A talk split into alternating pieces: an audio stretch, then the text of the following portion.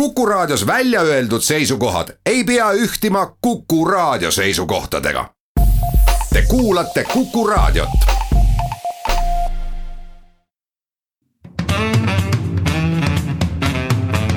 muuli ja Riikoja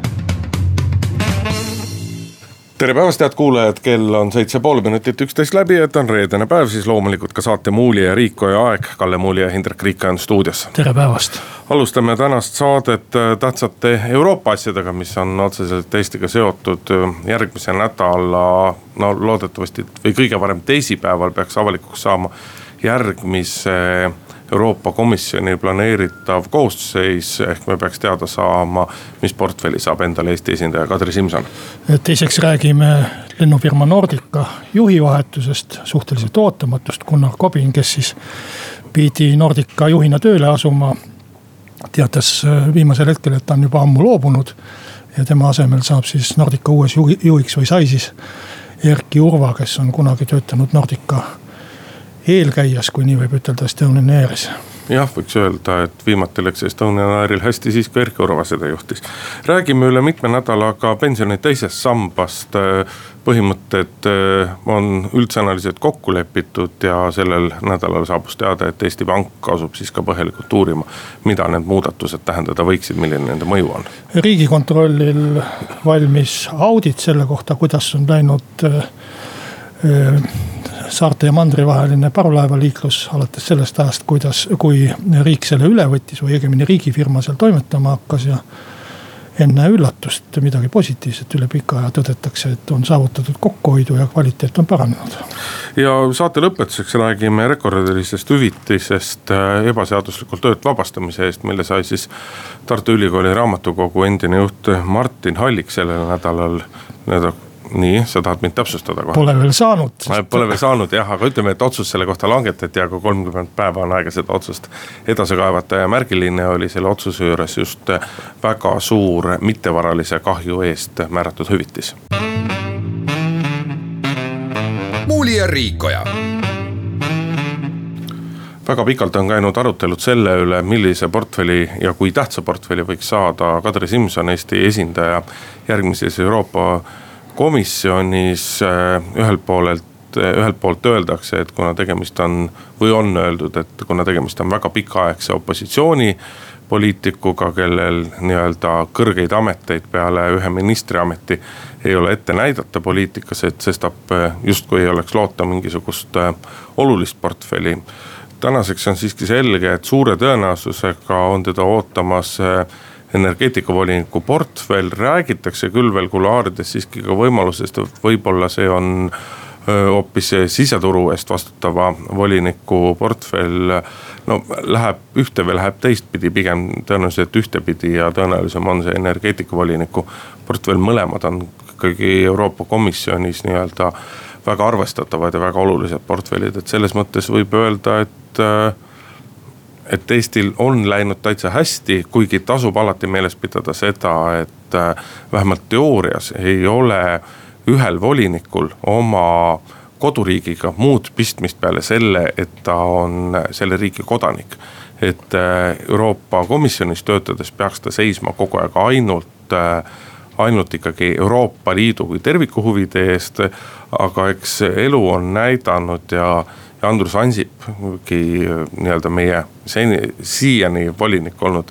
noh, tema kohe väga nagu tihedalt aktiivselt sekkus nii Eesti sisepoliitikasse päevapoliitikasse, kui nii-öelda tema tööd tegemised olid Eestiga ikkagi praktikas väga palju seotud ja eks selliseid paralleele võime me tõmmata ka paljude teiste volinike ja nende koduriikide kohta. noh, eks sellepärast need voliniku kohad olegi jagatud riikide vahel ära, muidu võiks ju, et, et oleks võrdne, muidu võiks ju võtta ühest riigist need volinikud ja.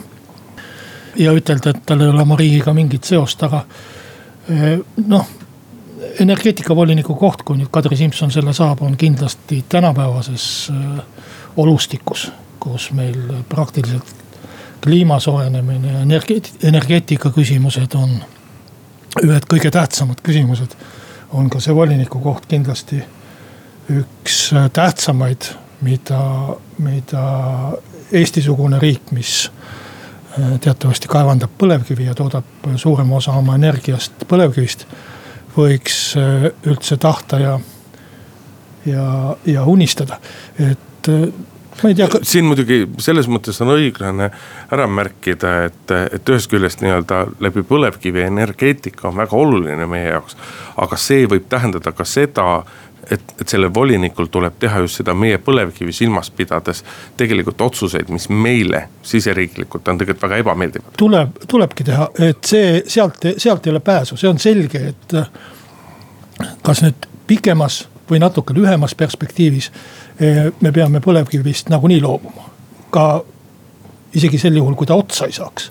et eh, see, see Euroopa poliitika on, on päris selgelt ja, ja kliimapoliitika selline, et seal pääsu ei ole, aga eh, küsimus on, et millises tempos, millega me asendame ja, ja muud sellised asjad ja, ja ma arvan, et seal on väga hea, kui on Eesti, eestlasest voliniku juht mida ma tahan ütelda, on see, et mitte kogu aeg ei ole see voliniku koht tähtis olnud. et kuidas ajad on muutunud, sel ajal kui Eesti astus Euroopa Liitu, oli see üks tähtsusetumaid volinikukohti üldse. see anti äh, lätlasele Andris Piibalks oli tema nimi, eks, Piibalks. ta juhib praegu Lätis ühte erakonda, Ühtsus on vist selle nimi, kui tõlkida, aga ta oli kaua aega energeetikavolinik ja Eestis tol ajal räägiti Eesti poliitikud, näed, lätlased said nii vähetähtsa ametikoha, nii vähetähtsa voliniku koha. ja tegelikult ta tol ajal oligi suhteliselt äh, no ütleme, selline mitte esmajärguline koht. et äh, nüüd on ajad muutunud ja kõik on, kõik on hoopis teisiti. ja võib-olla, ma ei tea, kas see on nüüd ilus tagantjärgi niiviisi naaksuda, aga, aga mulle meenuvad küll need suvi läbi ilmunud artiklid, kuidas räägiti, et. Kadri Simson ei saa sellepärast head voliniku kohta, et Eesti valitsuses on EKRE kindlasti mulle meenub, kuidas Urmas Paet seda rääkis, eh, Eesti Europarlamendi saadik, aga meenuvad ka mõned Eesti Päevalehe ajakirjanikud. Eh, siis räägiti meil sellest, kuidas valitsus peab kaks eh, saad-, kandidaati voliniku kohale esitama tingimata ka ühe mehe ja muud sellist jama. et minu meelest nagu selline, selline selliste kuulujuttude esitamine suhteliselt selge ja lihtsa määramise puhul, mis on, mis on Euroopa voliniku äh, ametisse nimetamine, valitsus esitab ühe kandidaadi. komisjoni esimees ütleb, kelle, kes temast saab ja Euroopa Parlament natukene kuulab üle kas ta inglise keelt oskab ja, ja kas tema seisukohad ei ole päris äh, natsionaalsotsialistlikud. no Euroopa Parlament siiski kuulab päris põhjalikult üle, mitte natukene üle. jah, et äh, olen selle protseduuriga kursis, aga äh, selles mõttes nagu kõik on normaalselt läinud ja kõik on hästi läinud, et ma arvan, et, et isegi ootuspäraselt, ehkki kui me nagu meediat loeme, et siis nagu mingi tohutu saavutus, see energeetikavoliniku koht. Kadri Simson on olnud, Eesti Vabariigi minister, on olnud äh, majandusminister, mis on kindlasti väga tähtis post. ja, ja selles mõttes äh, arvata, et ta peaks saama mingisuguse kehva portfelli selle Äh, seisu pealt kindlasti ei oleks olnud alust. no eks kui objektiivne, ühest küljest Kadri Simson kahtlemata väga tubli, ta on selles valdkonnas olnud tegev, ta tunneb seda valdkonda. siiski teatud nii-öelda, teatud naise koefitsient on, on tal juures olnud, sellepärast et Ursula von der Leiden, kui ma nüüd selle nime õigesti hääldasin, uus Euroopa Komisjoni president, ta on võtnud selge sihi, et, et sisuliselt pool Äh, pool volinikest oleksid äh, naisterahvad ja, ja seetõttu nii-öelda et ühest küljest see soolise tasakaalu mõttes on hea, aga teatud määral on see tema nii-öelda just nimelt sisuliselt kärpinud tema võimalusi. et ta on saanud äh, võib-olla pisut nii-öelda väiksemate kogemustega toormaterjali komisjoni kokkupanekuks, et selles mõttes. et selles seltskonnas Kadri Simson paistab tõesti väga hästi silma, paremini silma, kui ta võib-olla oleks paistnud mingisuguses teises seltskonnas, kus rohkem oleks olnud kogenud meespoliitikuid. järgmine küsimus Eesti jaoks nüüd pigem on, on see, millest Eesti ajakirjanduses palju on räägitud, on see, et kellest saab eh, Kadri Simsoni eh, kabinetiülem Eesti nii-öelda Euroopaga tegelevad ametnikud eestlastest ametnikud Euroopa süsteemides on nii-öelda jaotunud kahte lehte. ühed väidavad eelkõige Hendrik Ololei juhtimisel, et teevad lobitööd selle nimel, et selle võiks anda mõnele välismaalasele, et siis vastukaubana saada eestlastele Euroopa struktuurides paremaid kohti, teised, ka näiteks Andrus Ansip on selge sõnaga öelnud, et, et igal juhul peaks esimehena eeli- või kabineti juhina eelistama, eelistama eestlast ja ega sellele seisukohale on ka natukene nii-öelda nagu raske vastu vaielda, et Euroopa, Euroopa ametkondades on ka sellised nii-öelda ühest küljest on nii-öelda poliitilised hierarhiad, aga ka ametkondade seas on teatavad hierarhiad, millest osad inimesed peavad rohkem, teised peavad vähem, et. ma arvan, et siin Kadri Simson kindlasti pigem võiks kuulata neid nii-öelda mõjukaid Euroopa ametnikke võiks vähem kuulata ja pigem nii-öelda kainest mõistusest äh, lähtuda ja. ja, ja vist ta ikkagi selles suunas läheb ka, et oma nii-öelda kabineti ülemiseks, üle, ülemaks ta pigem valib eestlase. Muuli ja Riikoja. jätkame saadet, Indrek Riiko ja Kalle Muuli. päris suure üllatusena tuli lõppeval nädalal teade, et Gunnar Kobin ei asugi juhtima Nordicat. On juba tegelikult augusti alguses sellest koha ametikohast loobunud. see oli, see oli veel suurem üllatus ja, ja, ja et asemele saab Erki Urva, mis on ka juba ära otsustatud asi või mis oli ka tolleks uudise äh, avalikustamise hetkeks ära otsustatud asi, asub kohe tööle. et noh muidugi, eks ettevõte võib valida omal juhti nagu ta tahab, aga tegemist on riigiettevõttega. ja ma arvan, et, et hoolimata sellest, et see riigiettevõte ei ole nüüd börsil. ja ei pea tegema börsiteateid iga oma tähtsama otsuse kohta.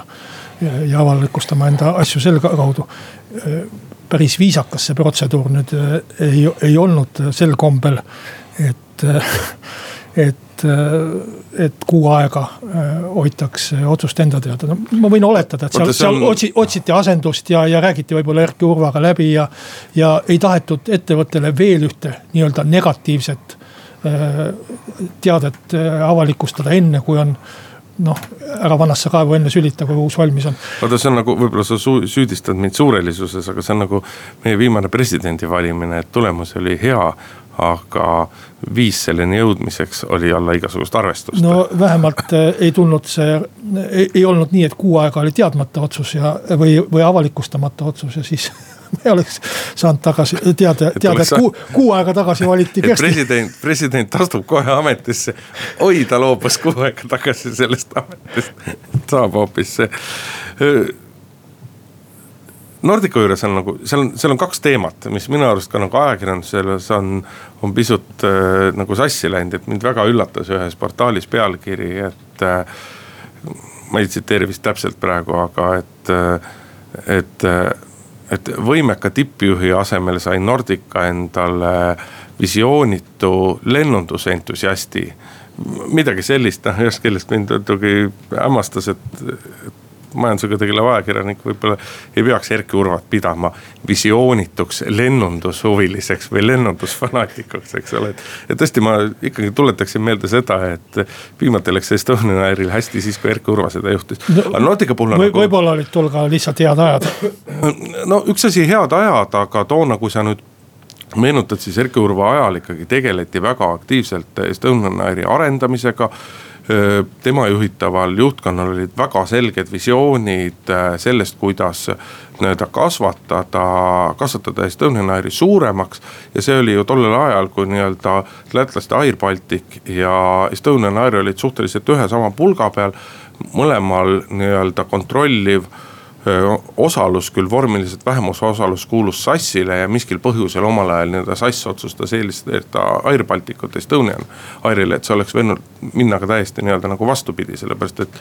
Nende visioonid olid suhteliselt sarnased tollel hetkel ka Estonian Airi plaanid nägid ette korralikult noh, läbi arutatud plaanid nägid ette nii-öelda lendamist Vilniusest, lendamist äh, Riiast, et. Äh, et selles mõttes kõik oleks võinud teoreetiliselt minna teistpidi, kui rootslased ei oleks või skandinaavlased ei oleks teistmoodi otsustanud.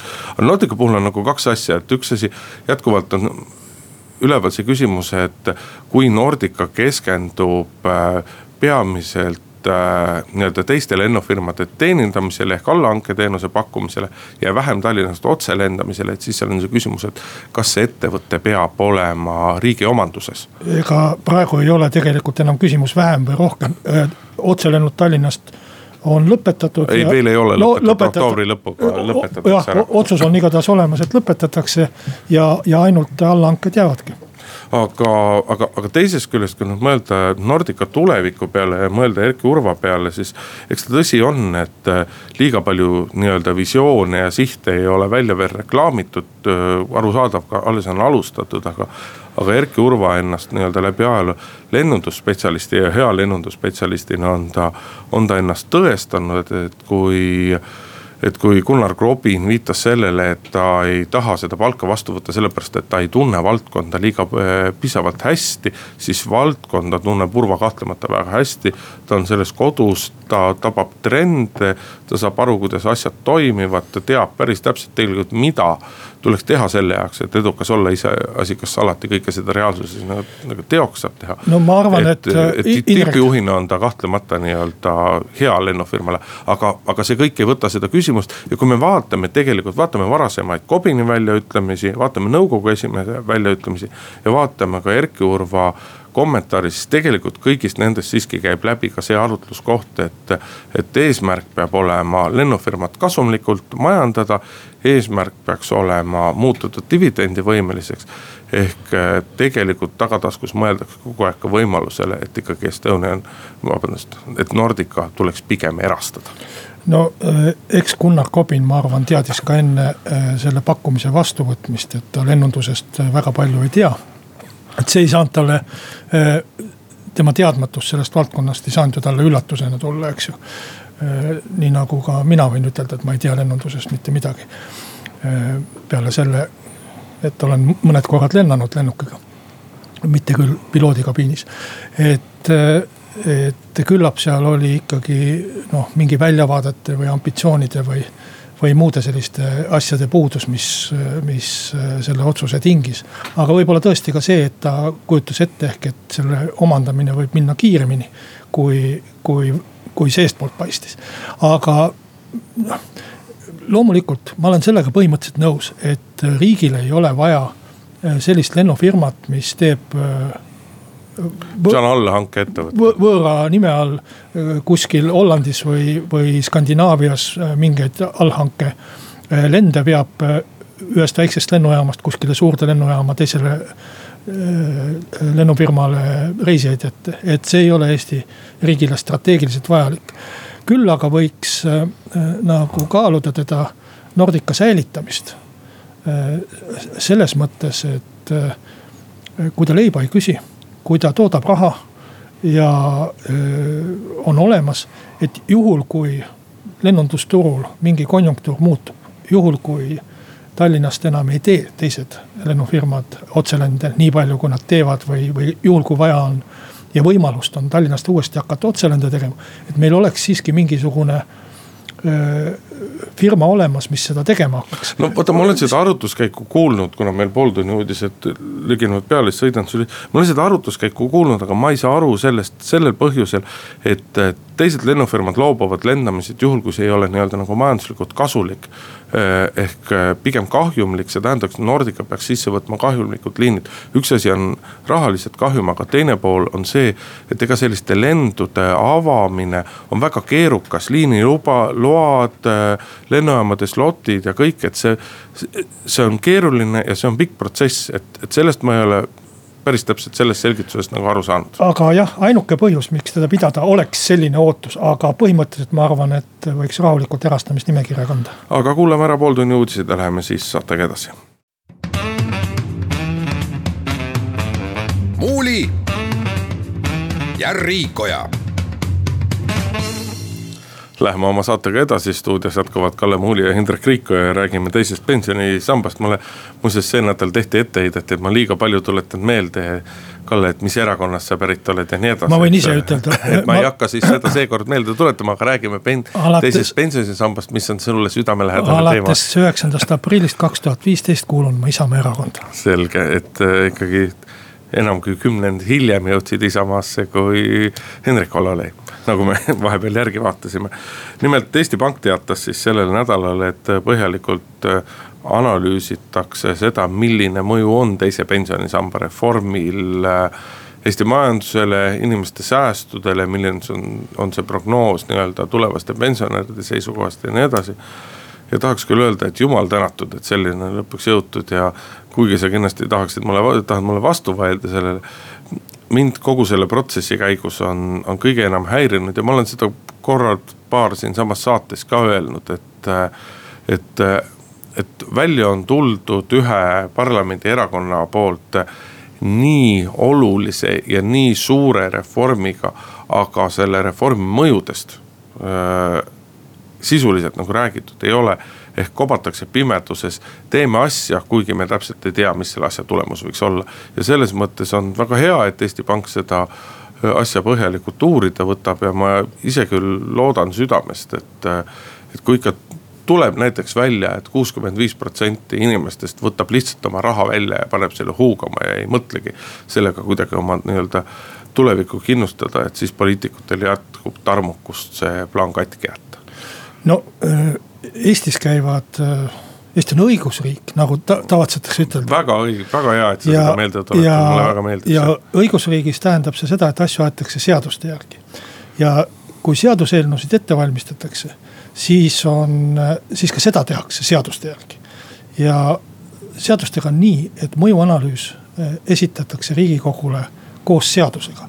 ja see on isegi eh, reeglistikus kirja pandud, et seaduseelnõu seletuskirjas peavad olema kirjas ka selle seaduse mõjud. kohe näha, et mitu talve õigust tudeerinud inimene. mitte ainult äh, see tudeerimine on nõukogudeaegne ja tol ajal selliseid asju ei olnud, aga ma olen olnud äh, riigikogus ja lugenud väga paljusid seadusi. ja ka seda, kuidas seadusi tehakse, ehk siis äh, see mõju peab, mõjuanalüüs peabki valmima koos seaduseelnõu ja tegelikult ka vastupidine oleks väga veider. kui me ei tea täpselt, milliseid muudatusi kavandatakse, mida me siis üldse analüüsime et tegelikult, miks Eesti Pank praegu sai alustada seda mõjuanalüüsi ja miks rahandusministeerium samuti sai praegu alustada, oli see, et valitsus augustis otsustas ära põhimõtted. millal hakatakse välja maksma, millal hakatakse avaldusi võtma, kui suures summas makstakse välja esimesel korral kümme tuhat ja nii edasi. et nüüd saab hakata analüüsima ja tegelikult rahandusministeerium teeb seda samuti. minu meelest kas juba septembris peaks neil valmima tõesti huvipakkuv asi, mis, mis kindlasti ka suurele avalikkusele huvi pakub. avaliku arvamuse uuring selle kohta siis, kui palju inimesi arvab, et nad käituvad nii, teisiti või kolmandat moodi oma rahaga, juhul kui see pensionisammas vabaks läheb. ja siis saab hakata vaatama selle majanduslikku äh, mõju. kõik on jumala õige aga, ja, ja kõik aga, on. mis ma tahtsin selle Eesti Panga kohta ütelda, et minu meelest on see väga hea, et nad seda teevad. et äh, ka paljudes muudes valdkondades tehakse mitu ma ei tea, majandusprognoosi teeb Eesti Pank ja teeb rahandusministeerium ja teevad kommertspangad. Need natuke erinevad ja saadakse erinevaid tulemusi, aga nad ikkagi laiendavad meie pilti. ja, ja mitte ei tekita segadust, vaid täiendavad pigem seda ja ma arvan, et Eesti Pangal on võib-olla isegi rohkem jõudu vahendeid, teadmisi ja nii edasi. seda teha kui rahandusministeeriumil, ma ei taha rahandusministeeriumit halvustada ega midagi, aga kindlasti või ma vähemalt loodan, et sealt tuleb hea töö ja seda saab kindlasti rahandusministeeriumi tulemustega võrrelda. see, see kindlasti teeb seda reformi paremaks. no rahandusministeeriumil on üks väga praktiline asi, neil on ka riigieelarve koostamine parasjagu käsil, et. et nii-öelda kaks väga suurt asja korraga, et kõigile, kõigele ühtemoodi tähelepanu ei jagu. ma siiski, ühest küljest kõik see on väga õige, et et asjade järjekord on selline. minule, mina siiski tuletaksin meelde, ma tuletaksin meelde näiteks seda, kui Reformierakond tuli välja, ei taha Reformierakonna promoda, ei taha neile reklaami teha, aga no on neilt ka mõned head näited pärit. kui nemad tulid välja ettepanekuga sellest, et ettevõtete tulumaks tuleb kaotada, siis nad tulid välja ka väga selgete prognooside ja arvutustega.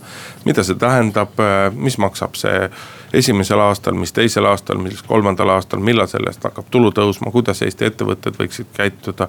kui tuldi välja selle ülirutulise käibemaksu tõstmisega kriisi ajal, ka siis sinna tuldi välja juba selgete arvutustega, mida see võiks nii-öelda tähendada ja tegelikult neid näiteid Eesti poliitilisest ajaloost me, me kohtame üksjagu, kus on välja tuldud oma suurte lubadustega ja ei ole siis hakatud rääkima nii-öelda. oota, aga oota, Indrek, Indrek, üks küsimus, kas teise samba kehtestamise ajal tehti mõjuanalüüs või ei tehtud? jään sulle vastuse võlgu, ma ei ma, mäleta ma seda, aga, aga see ei, vasta, ei, me leiame nii ja naasuguseid näiteid. Aga... Tege, tegelikult siis ei teinud ei valitsus seda mõjuanalüüsi ega te, teinud ka Eesti Pank seda. et äh, tõesti tehti äh, avaliku arvamuse küsitlusi, aga neid tegid erafirmad ja, ja. ei, kõik see on võimalik, aga, aga kui mingisuguseid asju ei, on, on kunagi tehtud valesti või on halvasti tehtud, siis see ei ole nii, et see ei anna indulgentsi järgmistele valedele ja halvasti tehtud asjadele, et, et, et siiski ma olen seda meelt, et tegelikult oleks võinud Isamaa. võib-olla muidugi on, sina tead täpselt, et kas on seda arvutatud ja prognoositud, aga kõva häälega, selgete näidetega sellest nii-öelda siiamaani räägitud ei ole. ja, ja mulle jääb see selles mõttes arusaamatuks, et, et kui sa eraettevõtluses planeerid ükskõik millisugust asja, on see suurem asi, väiksem asi, siis sa alati ennem kui sa hakkad kõva häälega rääkima sellest, et teeme nüüd sellist asja. pead sa nii-öelda nagu pead sa selle kõik läbi mõtlema, läbi kaaluma, läbi arvutama aga, aga nii suure asjaga ei ole avalikkust, noh avalikkust ei ole hakatud sellega tüütama, et mida siis võiks reaalselt tähendada see asi. ja see on selle protsessi miinus, et võib-olla tõesti, võib-olla tuleb, ma, mul on seda isiklikult keeruline uskuda, aga võib-olla Eesti Panga analüüsist tuleb välja. et see on suurepärane, et see on suurepärane projekt, see on suurepärane ettevõtmine, sellest tõuseb tulu riigile, sellest tõuseb tulu tulevikus pensionäridele ja need. võib-olla on see nii ja kui see on nii, siis, siis fine, loomulikult tuleb teha aga kui peaks välja tulema, et, et, et võitjaid nii-öelda pikas perspektiivis ja see protsess on ju pikaajaline. selles protsessis ei saa mõelda sellele, et kui palju riik saab saab sellest tulu kahe aasta pärast, kolme aasta pärast või viie aasta pärast. selles protsessis on oluline ainult see, kui palju inimesed võidavad sellest kahekümne viie, kolmekümne, neljakümne viie aasta pärast. ja kui tuleb välja, et seal reaalseid võitjaid ei ole, siis tuleb see protsess katki jätta äh, Isamaa lähtus oma öö, otsustes põhiliselt Kristjan Järvani tehtud arvutustest ja neid on avalik-. mina küll isiklikult arvan, et mõne oma juhtliikme kõhutundest lähtuti kõige rohkem.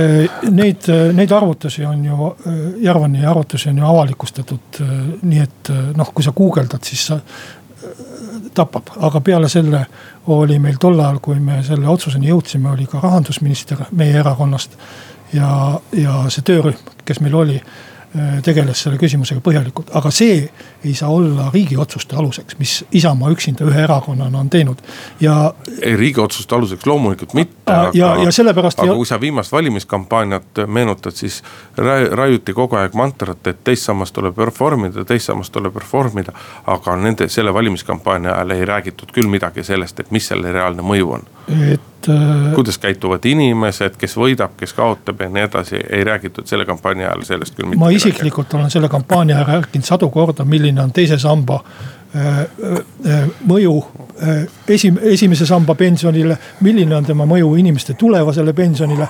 et äh, see oli üks põhilisi teemasid, mida ma valimiskampaania ajal rääkisin, muide.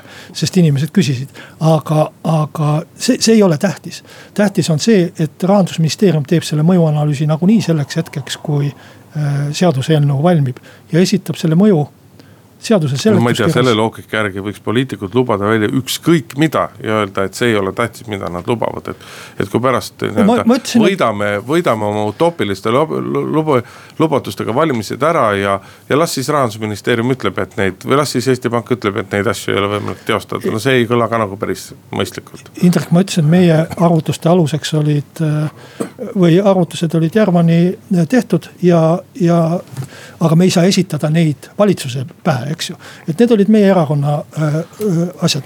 kui nüüd äh, selgub, et mõni nüanss ja tegelikult see reform on ju ka valitsuses muutunud, see ei ole päris enam see, mida üks erakond tahtis seal on sada nüanssi juurde tulnud ja ilmselt tuleb veel, võib-olla riigikogu muudab seda veel kuidagi. see ongi nagu seaduse tegemise protsess, aga mõjuanalüüs esitatakse koos seadusega riigikogule, nii näeb tegelikult seaduse tegemise või seaduse menetlemise kord ette see on seletuskirjas alati kirjas, milline on selle seaduse mõju. ja, ja, ja rahandusministeerium, kui ta seda ette valmistab, teebki selle ja, ja see algab tegelikult pihta nüüd avaliku arvamuse uuringuga. aga ütle siis, kuidas sinu koduerakond käitub, et kui ilmneb, et, et võitjaid pikas perspektiivis sellest plaanist väga ei ole kas on sinu koduerakond siis valmis nii-öelda taganema sellest? kui plaanist? see, kui see selgub, et on väga halb reform, loomulikult keegi ei hääleta selle poolt. et siis me ütleme, et läks pahasti. ja, ja, ja me ei tee sellist asja, aga kõigepealt tuleks selliste spekulatsioonide asemel tuleks ära oodata, poliitikas öeldakse väga sageli, ootame ära.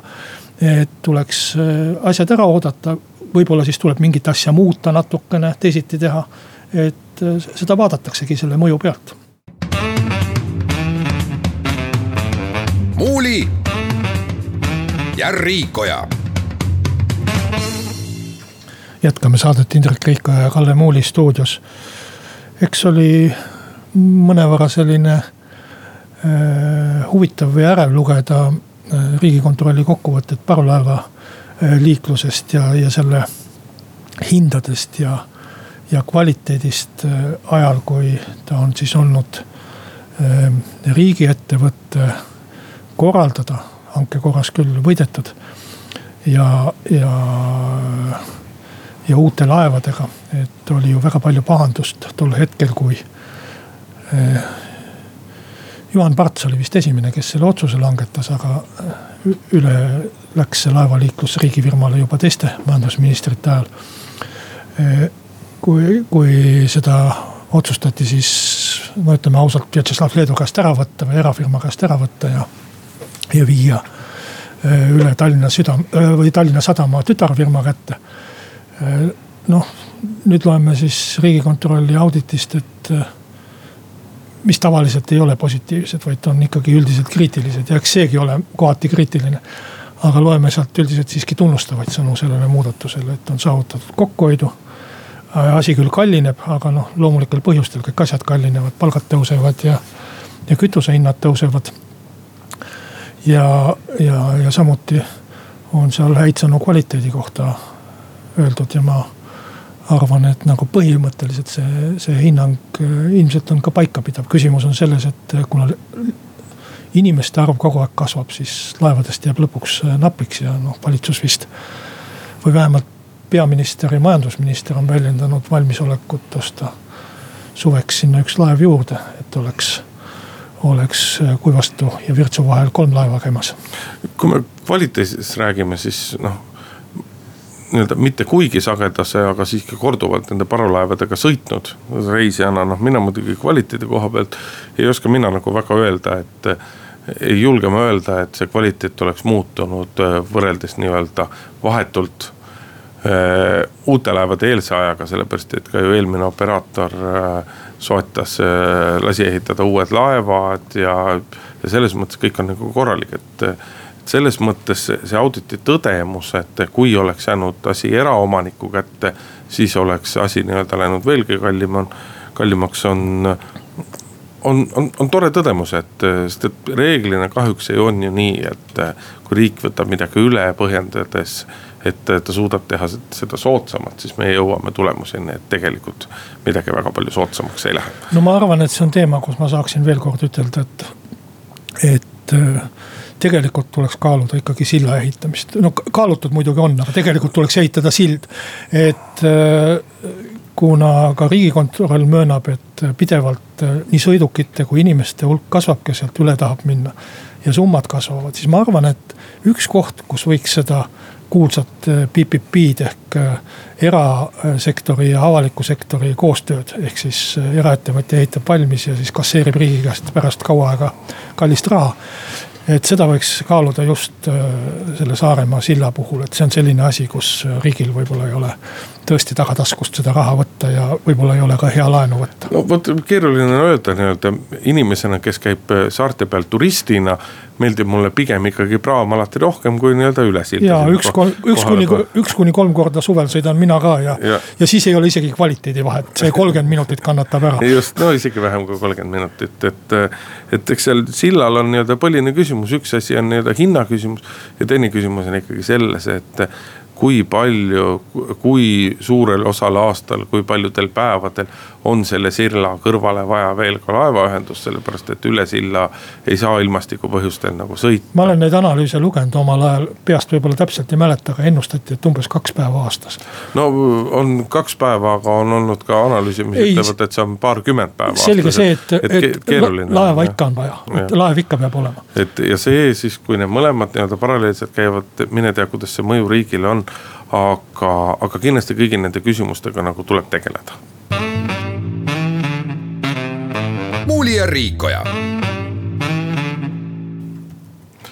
sellel nädalal tuli uudis, et äh, Tartu Ülikooli raamatukogu endisele direktorile on kohtus mõistetud hüvitis, ligi saja tuhande eurone hüvitis äh, nii-öelda ebaseadusliku vallandamise tõttu, kui väga kiiresti meenutada, siis mäletatavasti, mäletatavasti eelmise aasta augustis sai avalikuks teade, et Tartu Ülikool laskis Halliku lahti, põhjendades teda seda usalduse käit-, kaotuse ja ebasobiva käitumisega. Direktorile rohkem sellest ülikool väga palju ei rääkinud, ajakirjandus sai lõpuks siiski teada, et probleemiks olid olnud väidetavalt nii-öelda ebasobiva käitumise juhtumid ehk sisuliselt seksuaalse ahistamise juhtumid, mida Martin Allik oli pannud erineval pool väidetavalt toime. kui me vaatame nüüd seda kohtuotsust, mis selle hüvitise välja mõistis, siis seal mööndakse, et ükskord, äh, et üks nii-öelda ahistamisjuhtum tõepoolest on tuvastatud. aga et see ei oleks olnud pii-, see ei olnud piisav selleks, et inimene lahti lasta ja pisut üle kolmekümne tuhande euro määr-, määrati siis nii-öelda saamata jäänud töötasuna mõisteti välja. aga kuuskümmend tuhat eurot, mis on Eesti kontekstis pretsedenditult suur summa, mõisteti välja mittevaralise kahjuna. ja ühest küljest noh, eks see küsimus ongi see, et, et kas õige on olnud see meie senine kohtupraktika, kus on räägitud nii-öelda pigem paremal juhul neljakohalistest summadest mittevaralise kahju hüvitamisena. kui me räägime inimese au ja väärikuse kaitsmist, et kas need on õigemad või see on õigem ja teisest küljest nii-öelda jättes kõrvale selle, et kas Hallik tegi seda või ei teinud seda, sest et ütleme, kohus otsesõnu selles suhtes, selles osas seisukohta ei võta. siis kahtlemata need süüdistused, mis esile kerkisid, on sellised, mis nii-öelda Martin Halliku positsiooni tööturul ja kõikjal väga olulised ja väga pikaks ajaks halvendavad. et tegelikult see kuuskümmend tuhat eurot nii-öelda selles kontekstis on mõistlik, et kui käitutud on valesti. kui kohus niimoodi leiab, siis on tõesti mõistlik see, et hüvitiseks määratakse summa, mis tõesti ka hüvitise moodi on. enne järgnevat tiraadi pean ma rõhutama, et eh, ehkki ma töötan justiitsministeeriumis, ma ei esinda siin üldse justiitsministeeriumi seisukohta eh, ega ole ka sel teemal ministeeriumis kellegiga vestelnud ega nõu pidanud. ja, ja väljendan oma isiklikku arvamust, et juhul, kui kohus leiab, et kõik need äh, ülejäänud etteheited olid äh, Martin Allikule tõendamata ja põhjendamata. ja mõistab mainekahju ja, ja mittevaralise kahju eest välja talt, talle kuuskümmend tuhat hüvitist. siis mul on väga kahju, et ma selle kohtuniku nime olen hetkel ära unustanud. aga ma tahan ütelda, et see on üks tubli kohtunik. et lõpuks ometi saab keegi aru, mida on väärt inimese maine, mida on väärt tema hea nimi et kui me mõistame, ütleme sellise määrimise eest, nagu Martin Allikuga on tehtud. juhul, kui on see tehtud ebaõiglaselt, ega mina ei tea. see otsus võib muutuda ka veel vastupidiseks ja öeldakse, et kõik on teisiti. kuna edasikaebamisõigus on selline, aga juhul, kui see on nii, nagu kohus leidis. siis mõista selle eest välja näiteks mingi kahe kuu palk. see on ju täiesti, täiesti arve. see on naljategu. see on naljategu, mis asi, inimesele kallatakse selline ämber solki tööandja poolt kaela ja, ja, ja siis kohus mõistab talle kahe aasta palga, no ma kujutan ette, et kuuskümmend tuhat võib olla raamatukogu direktori umbes kahe aasta palk. Et see on võib-olla isegi veel vähe, ütleme, et see võiks olla sellises mainekahju alumises või keskmises osas kuskil, et kindlasti ei saa ütelda, et see on nüüd mingisugune kohutavalt suur summa selle mainekahju eest. iseasi, et Eesti kohtupraktika on kogu aeg olnud selline mingi närutamine. Et valame inimese täieliku solgiga üle. Teeme talle sellise äh, äh, kahju, et ta ei saa võib-olla viis aastat enam tööle. ja isegi kui ta tööle saab, käib temaga kaasas, kaasas kogu aeg maine, et aga see on see, kes kätt püksi ajas kogu aeg mingisugustele naistele. et kohtunikud võiksid ise ette kujutada, et mis nende mainest saab, kui ne, nemad sellistel põhjustel lahti lastakse ilma asjata. ja, ja missugust summat nad siis hüvitiseks tahaksid saada.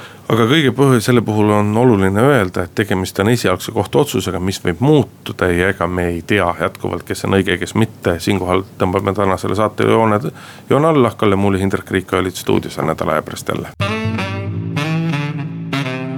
muuli ja Riikoja